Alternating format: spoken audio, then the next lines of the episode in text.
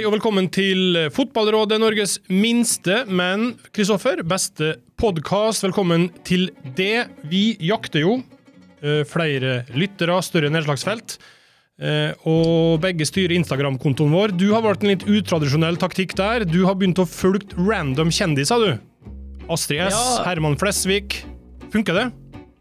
Nei, dårlig respons også på det sosiale mediegrepet. Jeg, jeg gikk ut ganske bredt på forskjellige typer i håp om å få en, kanskje en follow tilbake og noen som beit på agnet, men uh, vi sliter ennå med det. Tikker inn en ny follower i uka, kanskje, og er relativt sett ganske fornøyd med det. Vi er mer stabile enn Viking. Ja, absolutt. absolutt. Vi, vi synker jo i followers for hver uke så vi må snu den trenden. Bra, hyggelig at du er med oss. Velkommen til det, Kjetil Rekdal. Du var aktiv på Twitter i en periode. Nå er det litt mer sånn sjeldent. Og når du først er der, så går det galt. Ja, det, det var litt Formel 1 i fjor, da, sånn sett. Og så nå, nå innen fotball litt med Liverpool og Manchester United-supportere. Så ja, jeg, har ikke, jeg har ikke tid til det. Men jeg, jeg blir jo bombardert sjøl, da. Det blir jo. Det er jo hyggelig. Både òg. Både ja. Ok. Erling Moe, velkommen nå til det. Din Twitter-konto, det er for spesielt interesserte. Det, det er det, altså. Det, der, ligger det, der kommer det ikke mye. Så lært av en Kjetil. Uh, har ikke tid, ja. De har travle dager, det er bra. Eh, Velkommen skal dere i hvert fall være. Veldig hyggelig at de er med. Vi hopper bare rett i det. Eh, aller først tar vi bare en kjapp tur innom ukens store snakkis. Eh, Rosenborg med æresvakt eller ikke for Molde. Det blir det ikke. Um, bare helt kort, Kjetil. Uh, hvorfor ble det sånn? Nei, si det. Det er sikkert mange uh, faktorer som uh, blandes inn i en sånn avgjørelse. Uh, først og fremst så er det jo det er ingen tradisjon for det. Så da mener jeg at opp til hver enkelt klubb om de skal gjøre det. Hadde det vært en tradisjon og, og bestemt på, på forhånd, så hadde det sikkert ikke vært noen diskusjon rundt det heller. Men nå ble det en gang sånn. Eh, Så kan vi diskutere oss i, i både den ene og den andre retninga om det er riktig eller ikke riktig. For min del så er fotballkampen som er viktigst. Den begynner klokka sju. Eh, og så har vi eh, også poengtert eh, gra gratulert Molde. Jeg gjorde det iallfall med en gang den kampen var ferdig på Åråsen på Twitter-melding. En av få på det siste halvåret. Og um, full respekt og anerkjennelse og um, gratulasjoner til Molde. De har vært suverent best, så det, det er ikke noe, noe sårt som ligger i det. Det er nok uh, sikkert noe utenforliggende som gjør at vi uh, vil helst konsentrere oss på kampen. Eh, du Erling, hadde du sittet tilbake og kosa deg med motbøren de har fått på Lerkendal, eller hvordan har du lest bildet? Nei, det er vel uh, Ja, har vel kost meg litt. Det må jeg innrømme. Og så har vel ikke dette her vært noe sak hvis ikke ledelsen i Rosenborg håndterte det på en uh, meget klønete måte med pressemeldinga. Ellers hadde det vel ikke vært en stor sak. Eh, hvordan har du lest det her bildet, Kristoffer, fra utsida?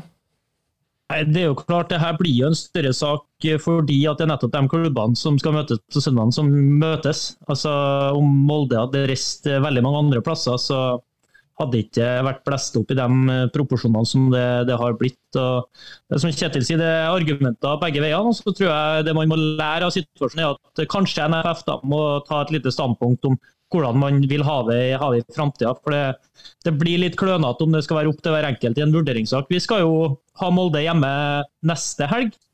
Eh, og Vi har jo ikke snakka noe om det innad ennå, men det blir vel en, en, eh, noe klubben må ta stilling til her om, hvordan, hvordan vi løser det.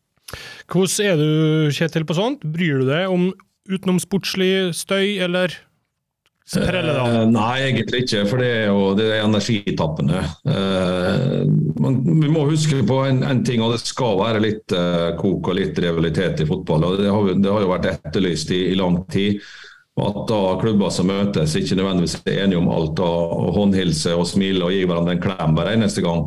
Da mister vi litt av den dramatikken og den uh, interessen som ligger rundt fotball. og nå er det litt på oppadgående i Eliteserien. Uh, nå vet jeg ikke hvordan tilskuertallet har vært i Molde, men uh, Nå ligger jo an til å bli et bra besatt uh, kamp, fordi at Rosenborg og Molde skal møtes. så Det er jo sånn vi vil ha det i utgangspunktet. Det skal koke litt.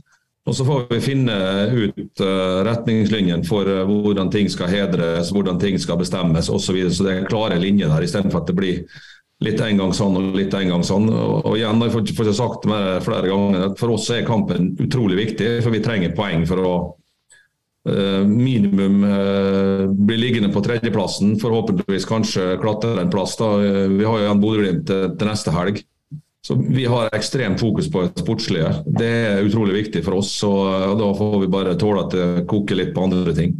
Tror du Erling, til slutt at dette påvirker det sportslige, eller er det kun på tribuner og oppkjøringa som blir påvirka av det? Nei, Det tror jeg er eh, kun på tribuner og at det blir litt eh, blest rundt eh, kampen. Jeg tror verken eh, vi eller eh, Rosenborg, trenere og spillere, lar oss påvirke av dette. Det er ingen, ingen stor sak for uh, verken oss eller Rosenborg i, i utgangspunktet. Så det, det, er en sak som eh, blir blåst opp når vi uttaler oss litt, og det, det elsker jo dere. Så uh, vi, får, vi, får, gi dere den der. Og så får jeg tror nok helt sikkert at vi begge klarer å ha fokus på kampen på søndag. Bare i forlengelse av det, kjapt. Kristoffer, eh, for det er noen andre som har opptatt supporterne i Trondheim siste døgnet. Det er Ole Sæter. Eh, han har gått fra å være deres kjernens største favoritt til å det siste døgnet ha blitt nedlessa i eh, hat, egentlig. Eh, etter at han skifta til Jim Solbakken som agent. Hvordan har du sett det fra utsida? Nei, det har jo vært en voldsom greie, spesielt på Twitter og sånne, der det gjerne blir det litt forsterka. De som er på Twitter, de roper jo voldsomt høyt uh, til tider. så Det er jo litt som det, det blir rundt spillere. at det, forventes jo ofte da, fra dem som følger klubben sin i, i tynt og tykt, at du eh, alltid viser den samme lojaliteten tilbake. og Du skulle omtrent da, i deres øyne skulle ha eh, ringt dem først og hørt dem med dem først, hvilken eh, vei du skal gå og hva du skal velge. og i det tilfellet her så har jo Ole gått i en retning som de ikke er fornøyd med, men til syvende og sist så, så har jo han Jeg syns han uttaler seg sjøl OK om at han velger den beste løsningen for han, samtidig som han ikke med det valget ikke lukker døra til at han forlenger med Rosenborg. Så nei, fotball er følelser, og lokal tilhørighet gjør det enda sterkere med Rosenborg som har vært med og fått Ole opp og fram igjen, da, som en eh, lokal spisshelt som ikke har vært der på veldig mange år. og Da kjenner jo de på at de kanskje skulle ha fått i sin verden enda mer, mer tilbake igjen. Men eh, det, det, er jo, Ole er jo fin, han òg. Han er jo ute der og tweeter litt og fyrer opp. og Han, han kan jo få det litt sjøl, samtidig som han har jo blitt et ynda objekt både for supporter og, supportere og media. så det, det, er vel sånn det å være en del av en såpass stor klubb. Spent på mottakelsen han får, Kjetil, av egne fans? Ja, eh, det kan jeg godt si. Jeg håper nå at eh, de eh, besinner seg, og at det er en Jeg skjønner skuffelsen og frustrasjonen og alt det der, men sånn, dette er jo ikke første gangen det har kokt i fotball. Og at følelsene går litt løpsk innimellom, at det blir kanskje litt over grensa. Det er et yrke som du har. For min del så er det viktigste hva Ole gjør på treningsfeltet og på banen. Hva han sier. Altså, selvfølgelig så er det jo en, viss folkeskikk og en viss fornuft ut av meldingene han har prøvd. Han, han oppfører seg av og til som en kenguru i mine felt. da. Så, men Ole er Ole. Altså, det er en grunn til at han har vært god òg, vi må ikke glemme det. Eh, oppi alt dette her. Altså Hvis du skulle lagt bånd på den, og det får du ikke lov til, det får du ikke lov til, det kan du ikke gjøre, det kan du ikke gjøre, så hadde ikke han stått med 14 mål. Så, men det, det, er viktig å finne en balanse. og så En god tillit mellom spillere og trenere er, er, viktig. Jeg tror Ole er veldig trygg på trenerne sine. og vi er jo så langt det kan gå, da, være trygg på han òg. Så tramper han litt i, i det minefeltet av og til. Men eh, det er en grunn til at han er god, og det må vi huske på. Da eh, prater vi litt fag, eh, og litt taktikk, fordi både Molde og Rosenborg eh, eh, spiller jo nå i 3-5-2. Det er en formasjon som har blitt eh, populær. Mange lag har tatt den til seg, mange har hatt suksess med den. Eh, og Så betyr jo ikke det at eh, man har gjort om på alle spillprinsipp og sånt fra tidligere, men det er i hvert fall nye rammer. Eh, og i Molde, Erling, så har jo dere vunnet seriegull med tre-fire forskjellige formasjoner de siste ti åra. Nå er det 3-5-2. Eh, hva er den største gevinsten for dere med å eh, ha en ny formasjon å legge om? Nei, utgangspunktet var, var at vi eh, evaluerte fjorårssesongen. Og vi så vel det at vi de to siste åra spesielt har sluppet inn altfor mange baklengsmål.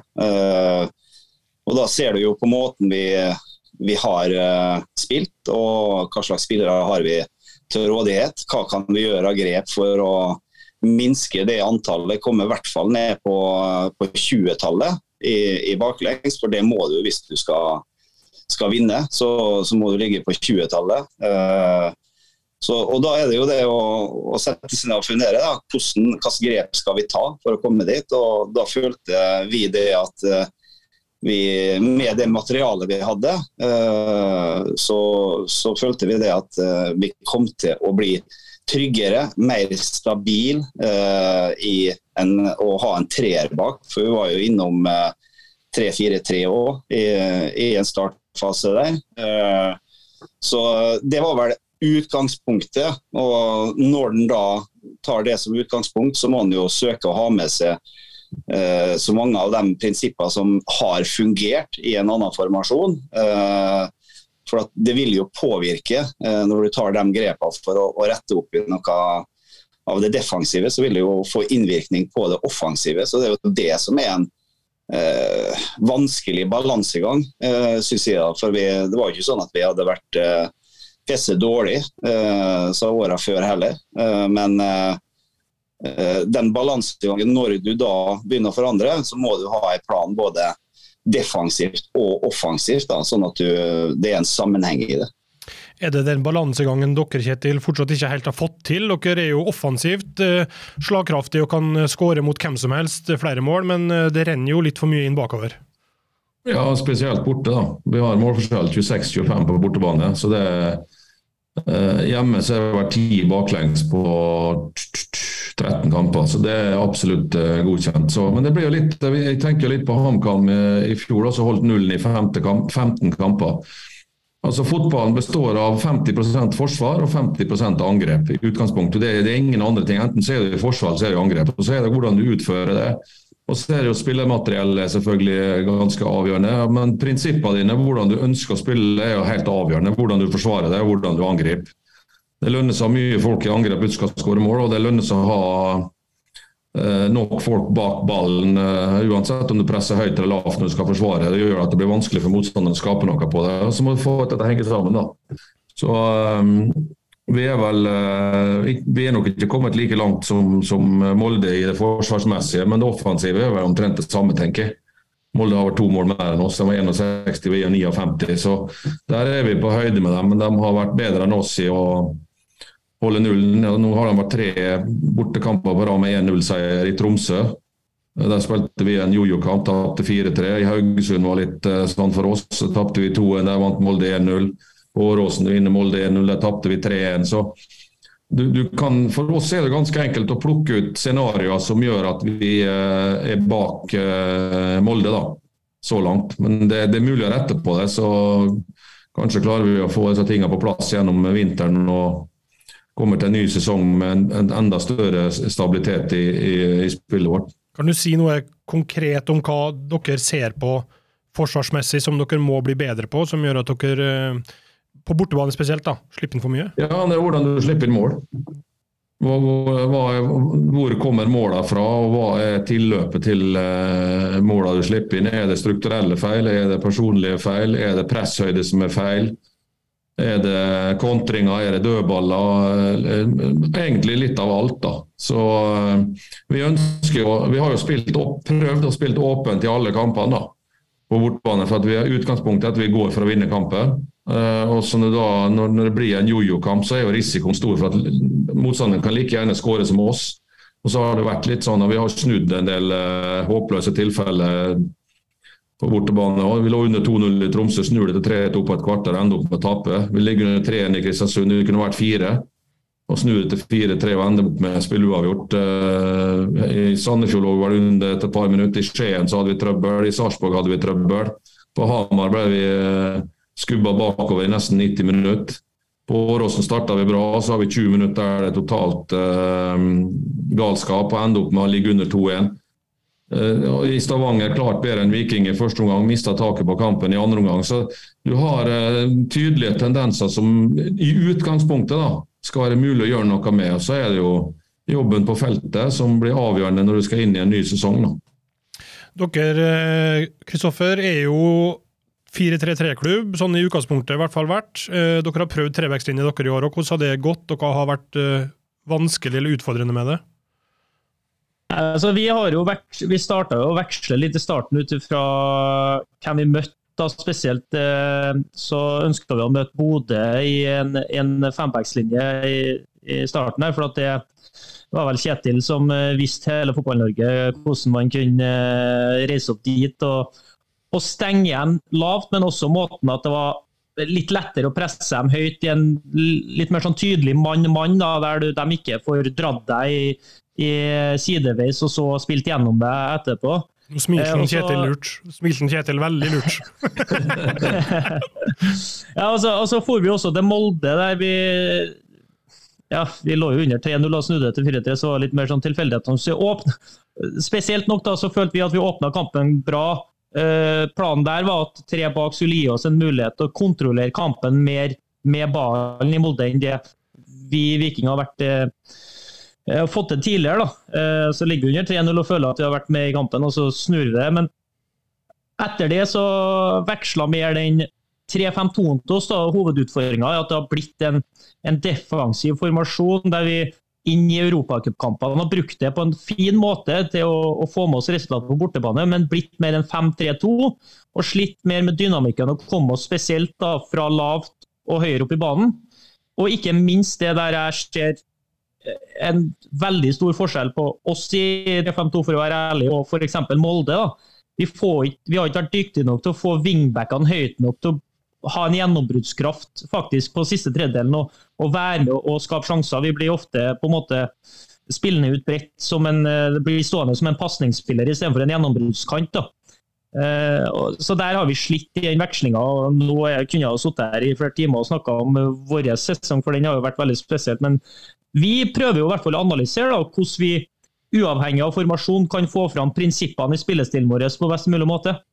Uh, og Der syns jeg er litt interessant å, snakke om Molde og se på Molde. fordi at Hvis jeg tenker tilbake og spilte mot Molde, og før kampene der så tenkte du alltid på gutta, backene deres kommer skyhøyt. De stender inn kantene, og, og de, uh, backene deres kommer på løp inn i boksen på bakre stolpe og er gjennombruddsspillerne deres.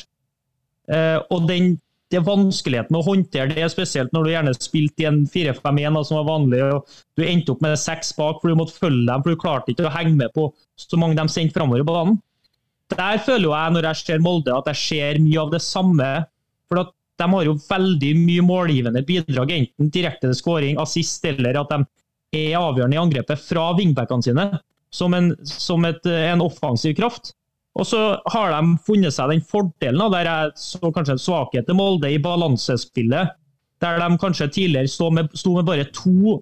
og så, Det var utgangspunktet to og to, da. men han ene sentralen ble kanskje litt ivrig og ble med, så ble det bare to og én.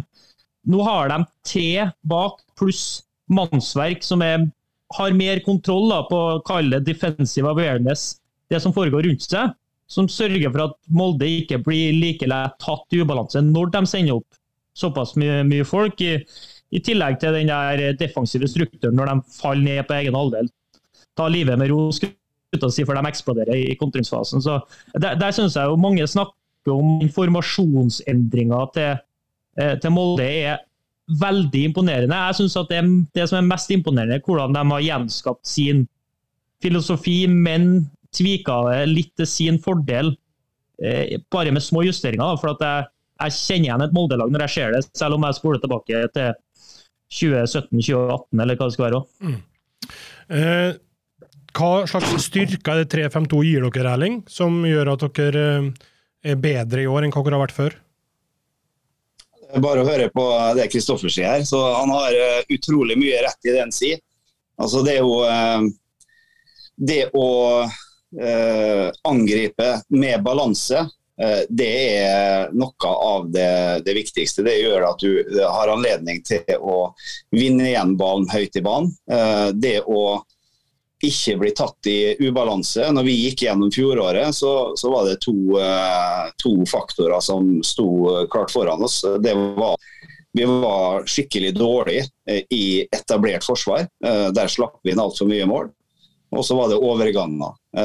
og det, det ei trebekslinje har gitt oss, det er langt større balanse i vårt offensive spill. Eh, så det har jo eh, Jeg tror nå har vi seks kamper på rappen tror jeg, hvor vi har holdt eh, nullen.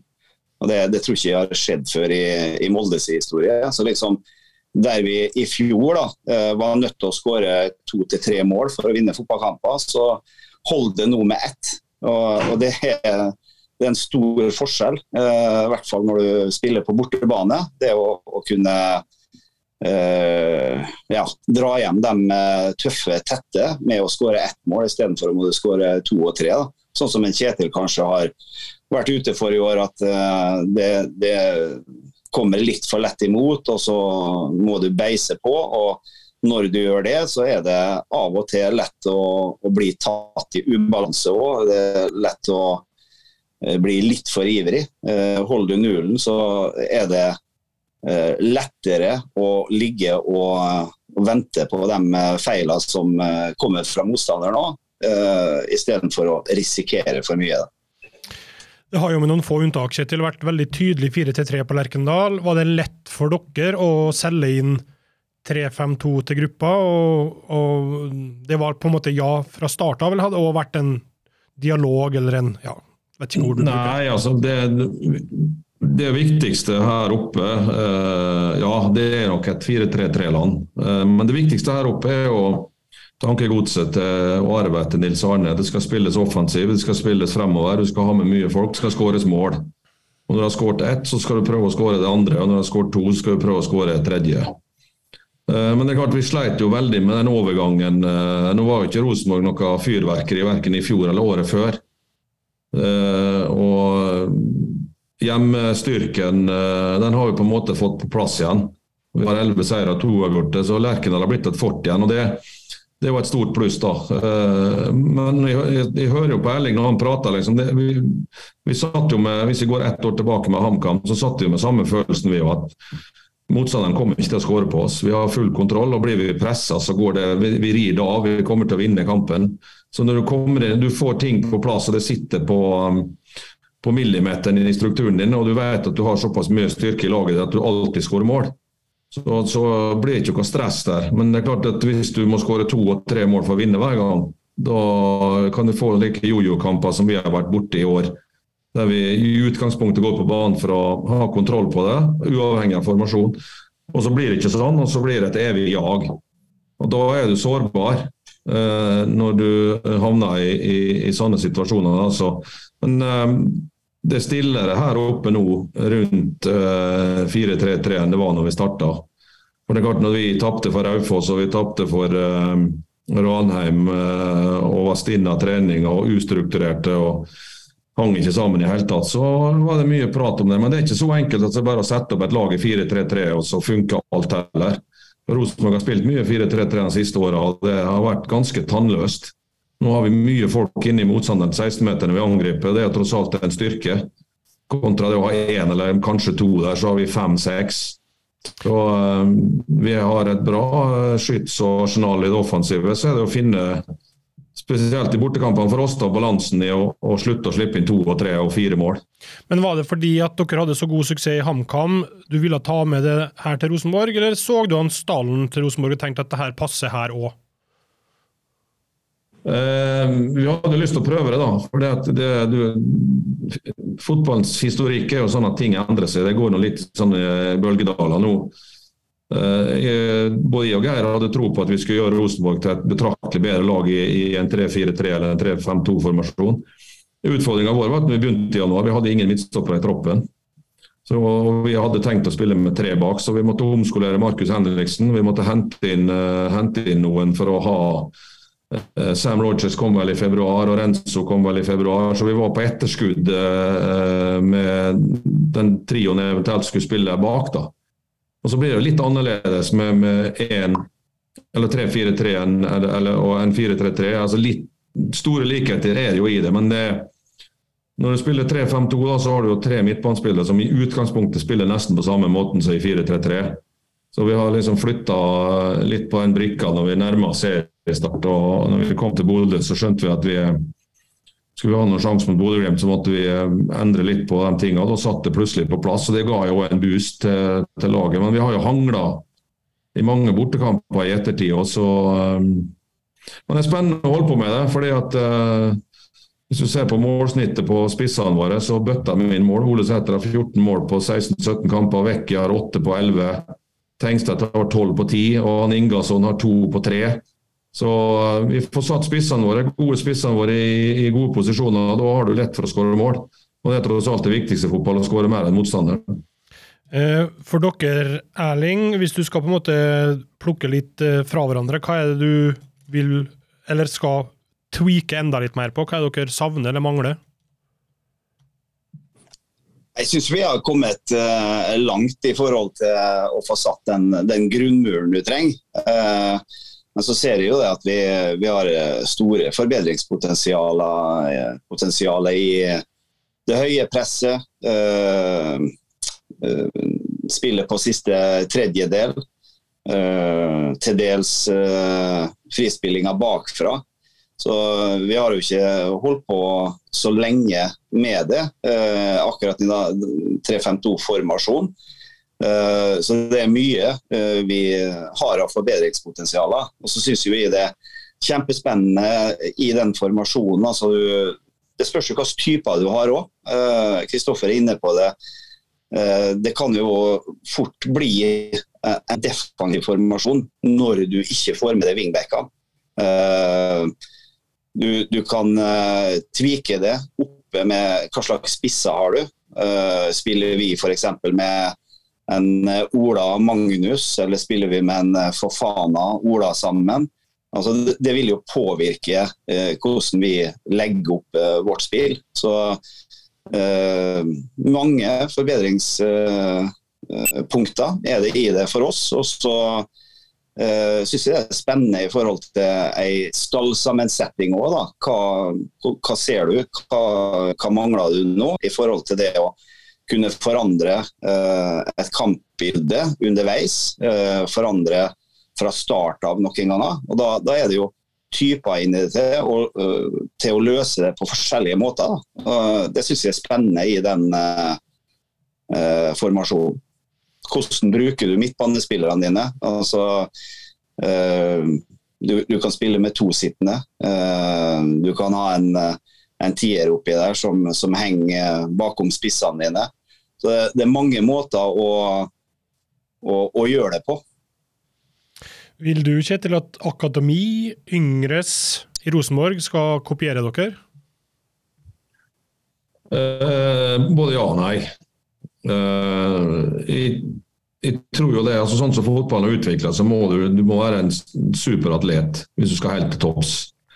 Og så må du beherske flere roller. Du må ha defensive styrker og offensive styrker. Jeg tror det er slutt på den tida at uh, du har bare en, hvis du spiller en firer bak, at du har en midtstopper som bare brukes til å renske unna. Altså, forsvarsspillerne er første angriperne dine, og, og angrepsleddet er første forsvarsspillerne dine.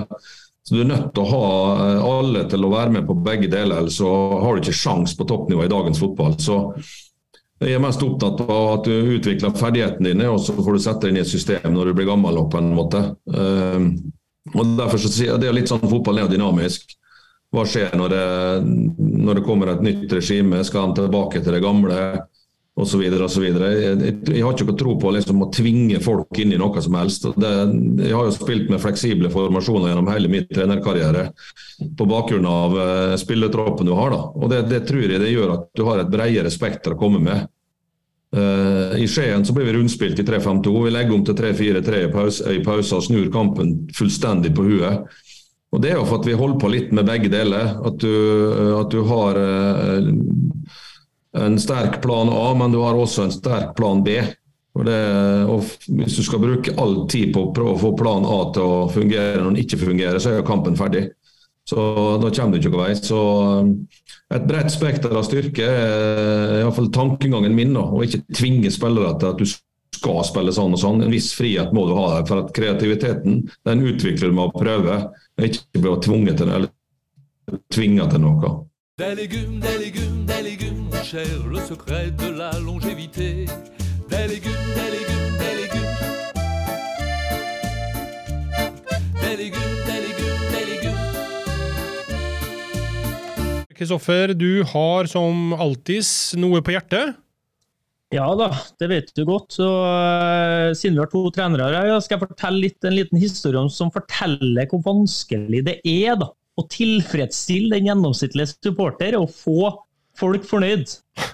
For at eh, jeg var da jeg spilte i Ranheim, så var jeg bortekamp mot Hødd. Og ifølge Mikke Karlsen så var jo jeg alltid suspendert borte mot Hødd, men jeg var suspendert borte mot Hødd, da, faktisk. eh, og jeg drar da, det er klubbhusvisning av bortekamp. Så jeg drar på klubbhuset. Den her skal jeg se sammen med supporterne, tenker jeg. Det blir, det blir trivsel. Og så eh, starter vi kampen så der, da, så stemninga er jo til å ta og føle på inni det rommet. Og så er det det der med at folk er aldri fornøyd, uansett hvordan du spiller, så lenge du ikke vinner. For etter et kvarter 20 minutter så triller vi fint og flott bak i bakre fire. Så sitter de trønderne og vet Jeg må spille fremover! Få noe banen fremover! Nå er de i gang igjen! Kryss og tvers. Og så går det kanskje ti minutter. Så er det en i bakre firer, upressa. Han ruller ballen ut på høyrefoten sin og klasker den framover. Og da kommer det fra omtrent samme person. Nei, steike! Nå er de i gang igjen. Pol til pol, pol til pol. Ingen plan! Så, så, det er liksom De sitter der og snur kappa etter vinden. Og det handler til syvende og sist om at hvis du klarer å finne en måte som dine elleve spillere samhandler godt på, og vinne fotballkamper, så er folk fornøyd. Og så, Å vinne fotballkamper innebærer jo at du skårer mer enn motstanderen, så det baller jo gjerne på seg. Mm. Vi eh, har noen minutter igjen, og dem skal vi bruke på lytterspørsmål. Vi har eh, vært så vidt innom det, men Kristoffer Watshaug har sendt inn til oss. Han lurer på eh, om hvis dere greier kanskje å peke på én konkret ting hver her. Da. Hva mener dere er de neste viktige grepene å ta for å ta ytterligere steg med lagene, eh, både i nasjonalt og internasjonalt. Hva er det som er den ene tingen, hvis man skal plukke ut noe, Kjetil, er det liksom det viktigste for dere nå? Ja, det er jo ferdigheter, selvfølgelig. Eh, og når jeg snakker om ferdigheter, så er det ganske stort spekter. Det er fysisk kapasitet, det er tempo, det er intensitet, det er pasningssikkerhet, det er avslutningsferdigheter, én-mot-én-ferdigheter. Du kan lage et ganske stort, bredt spekter av kriterier som uh, må trigges for at vi skal ta steg. Det er ikke bare å si at vi skal trene mer. Vi må, vi må trene riktig og utvikle ferdigheter som, som kreves på topp, topp, topp internasjonalt nivå. Prøve å nærme oss det. Hva tenker du Erling, er det aller viktigste for dere? Ta noe av i, da. Eh, timing. Timing, sier jeg da. Både i det defensive og eh, offensive spillet. Altså det å lære hverandre å gjenkjenne, sånn at du får den rette timinga. Og når den rette timinga er der, så går førstemann, og så kommer andremann, så kommer tredjemann. Får vi til å, å, bli veldig dyktige der, så, så vil vi nok ta enda flere steg både defensivt og offensivt. Bra. Eh, Benjamin, eh, vår trofaste lytter, lurer på én ting. eller Det er to todelt spørsmål her. Hvilken plass hadde et Moldes Mo-styrt Rosenborg kommet på? Første. Hvor bra i Europa hadde et Rekdal-styrt Molde gjort det? Jeg tipper jeg har vunnet Europaligaen. Det er bra med sjøltillit. Uh, han Egil spør Ser dere pengebruk og prisnivå i forrige overgangsvindu som en ny normal i Eliteserien, eller var det et spesielt vindu, Kjetil? Uh, så lenge det er penger i omløp så, og penger på, på, bok, så vil det nok uh, være høye priser for dem som har noe å betale med. Uh, blir kassa tynnere, så vil prisene gå ned. Men tror du at det blir like mye penger i omløp fremover som det var sist? Nei, det, det tror jeg faktisk ikke. At, eh, at, en norsk klubb skal kjøpe en spiller fra utlandet for 40 millioner, hvis det stemmer. da, At Bodø-Glimt har betalt det for Patrick Berg, eller over 40. Over 30 for han, han dansken. Så eh, jeg tror ikke at det vil være vanlig, nei. Eh, hva tror du? Det vinduet vi har hatt nå, blir det, bare, blir det likens i tida som kommer? Jeg, jeg, håper ikke det, eh, men jeg tror nok det at vi eh, opplever, kommer til å oppleve noen vinduer til eh, som, som det, det, som var. Og Det jeg er redd for, er at pengene går utenlands. At de ikke blir spredd rundt i, i Fotball-Norge. Det, det, er jeg bekymra over. for Sånn som det har vært for vår sin del, så vi har vi strekte strikken i, i det forrige, selv om ikke vi, vi handla mer enn én, så strekte vi strikken da i forhold til, til pris. Og det er nok eh, tror ikke vi kommer til å gjøre så veldig mange ganger til. Eh, så ut ifra sånn som det har vært, så har vi jo tatt følgende følgene av det. Og vi, vi har jo utvida horisonten vår i forhold til spillelogistikken, og det, det kommer vi til å, å fortsette med òg det er trist hvis det, eh, det, ender opp sånn, for jeg, jeg ønsker at vi fortsatt uh, skal handle i Norge, sånn at pengene blir her. Men vi får se. Jeg håper i hvert fall at det, det, normaliserer seg. For det er ikke et løp vi heller kan være med på i forhold til de prisene som var på dem vi forhørte oss om i, i forrige vindu. Ok, eh, på sparket her fra Eivind, største talentet dere har trent hver av dere? For meg er Tobias Gran. Vålerenga. 2002 eller 2002-2003. Teknikeren? Ja. Han måtte ha to baller på trening, da, men uh, han har interessen. Men han er et fabelaktig talent. Du Erling?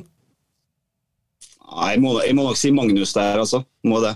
Audun spør er det innafor med fotballtrenere som går i fotballsko på kampdag. Den kan du få svare på, Erling.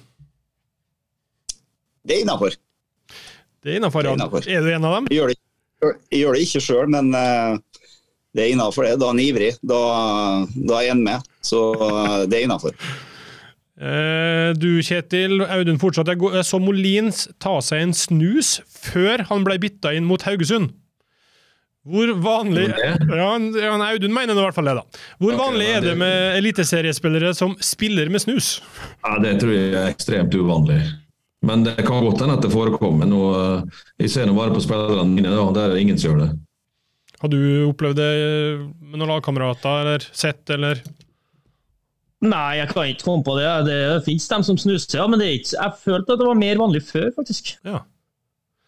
Eh, Frode spør, eh, det kan du få Erling, hvordan hadde Kjetil og Erling fungert som trenerduo? Jo, det er klart bra. Det kunne ha blitt dynamitt, det. Hadde det vært en delt trenerløsning, Kjetil, eller hvordan hadde hierarkiet vært? Det spørs hva settingen er, det. Men uh, Erling er en oppegående kar, så uh, jeg tror jeg hadde klart det fint, ja. Mm. Eh, dere er nå det er fredspiper her, ja. Jeg ser ikke for meg at det der kunne gått i det hele tatt. Er, okay. vant, jeg er, vant, jeg er vant med Geir Frigård nå, det er kruttønner, så det, går bra, det. uh, vi nærmer oss slutten her, men Hans Christian uh, skriver spør Reka om det er aktuelt å ta over Molde når Erling blir manager i Coventry. Jeg tror ikke du skal gå inn på sånne diskusjoner nå. Prinsipielt så er det sånn med trenere da, at du, du, har et yrke at du må innfinne at du må flytte litt rundt både her og der. Så uh, jeg tror ikke vi skal snakke om uh, fortida nå. Vi skal snakke om eh, at nå er det min jobb å gjøre Rosenborg så sterk som overhodet mulig. og Forhåpentligvis er jeg såpass lenge at eh, ja, det er ikke sikkert er så mange år igjen av min karriere når jeg er ferdig her. Siste spørsmålet fra Knut. Husker dere hverandre fra fotballbanen i ungdommen? Har dere spilt mot hverandre? Mm, nei, det tror jeg faktisk ikke. Eller det får Erling kanskje svare på. Jeg tror nok eh, ikke vi har eh, spilt mot hverandre. Jeg var, spilte mye sammen og mot uh, bror til Kjetil, Sindre. Uh, så Kjetil, du spilte vel mer opp uh, ja. enn en din egen årsklasse, så jeg tror ikke Ok, vi skal ta og sette en sluttstrek, Kjetil. Du skal videre, men bare helt til slutt. Den kampen til helga, da. Du som har vært i begge leirer og kjenner ekstra godt hvordan det her funker. Hva, si noe om hva som ligger i potten? Ja, For Molde ligger det jo egentlig kun prestisje i potten. De har vunnet seriegull, så de er jo ikke avhengig av å ta poeng. Så de kan jo Det kan slå begge veier, selvfølgelig, men de har jo alltid hatt eh, Rosenborg som erkefiende. og Jeg vet ikke hvor mange sølv de har bak Rosenborg. Har følt seg som en eh, nummer to i utallige år. Nå har de begynt å yppe seg og komme seg foran i en senere tid, eller senere tiåret. da. Uh, så det er klart at det er jo mye prestisje i en, en sånn kamp for, for, Molde. og Tenningsnivået kommer til å være høyt. Og Det kan jeg love deg hos, hos på andre sida også. Men viktigheten av kampen er nok størst for oss. Hvordan er det i Molde-garderoben rett før innmarsj? Ja, Vi gleder oss. Det, det blir noe haug som går inn i garderobeveggen der, og vi er tilbake der. Det, vi er det, altså. Sindre tilbake? ja. Strande har lært dem opp. Eh, ja, Strande er der, ja. Så, nei da, det er jo en eh, kjempeartig kamp. Det er jo en eh, kamp for omgivelsene til begge lag. Det, det betyr en del. så jeg tror det kommer til å bli eh, en fyrverkeri av en, eh, en match. Altså, som en Kjetil er inne på her, så de skåra mye på, på, bortebane. Vi, vi skåra mye hjemme, så det kan bli eh, en, en artig fotballkamp å, å, se på. Hva tror du, Kristoffer, som objektiv ekspert her? Eh, hva jeg tror om kampen? Ja. Eh, nei, altså det, det, sånn, det, kan slå inn begge veier, det å ikke ha den der siste lille dødsangsten for å tape da, i avgjørende situasjoner. Eh, den kan kanskje bekte til at uh, Rosenborg tar det, men altså, jeg, jeg ser for meg det. Når starta dere å trene? Lenge, møttes dere igjen i dag etter søndagen, eller var det i går? Uh, Nei, vi, vi, vi, har ikke, vi, har ikke, begynt å trene ennå. Nei, sant. Men Magnus tar med guttene på én peptalk og forteller dem at skapet skal settes skikkelig på plass. Jeg, som nøytral så ville jeg gleda meg voldsomt til å se kampen. Eh, for eh, Det er to gode fotballag som møtes. En, altså, når du ser på Eliteserien, så, så, er det flere og flere når de beste lagene møtes, gode fotballkamper. Uh, I tillegg, når du setter rivaleriet oppå toppen der, så, så, kan det bli en fin ramme rundt kampen og en bra reklame for norsk fotball. Så gleder jeg meg til å se det. Er det Markus som har siste peppen i Rosenborg-garderoben? Ja, han har jo alltid en, en sånn, men det, det, det, byttes litt på. da. Det er jo Um, Jeg er ikke så sikker på om vi trenger noen pep-talk denne kampen her, så for så vidt. sånn sett. Så vi skal jo med alt styret i forkant her nå, så kommer det jo inn i en litt sånn elektrisk, hatsk stadion som du skal overleve i. Så det, det trigger oss veldig, det. Så jeg gleder meg bare. Det, men jeg, jeg, er glad for å ha sånne kamper. Det er jo det som bringer norsk fotball videre. og Så får vi legge rivaliseringa til side og så får vi slåss ut på banen i 90 minutter. og Så får vi være litt spydige med hverandre etterpå, og så er vi ferdig med det. Hvem, eh, ja, Der er du òg god, Erling, er du ikke det? Du har noen ord, velvalgte ord på lager, du, av og til? Ikke så ofte, det er det ikke. Så de er velvalgt.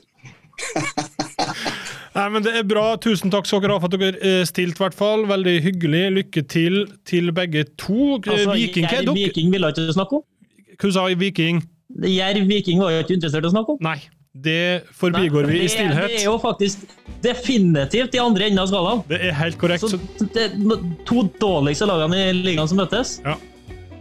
Lykke, lykke til skal du i hvert fall ha. Uh, bra at du var med denne gangen her òg. Og så prøver vi å samles igjen neste uke. Takk for at dere uh, hørte på, og så høres vi.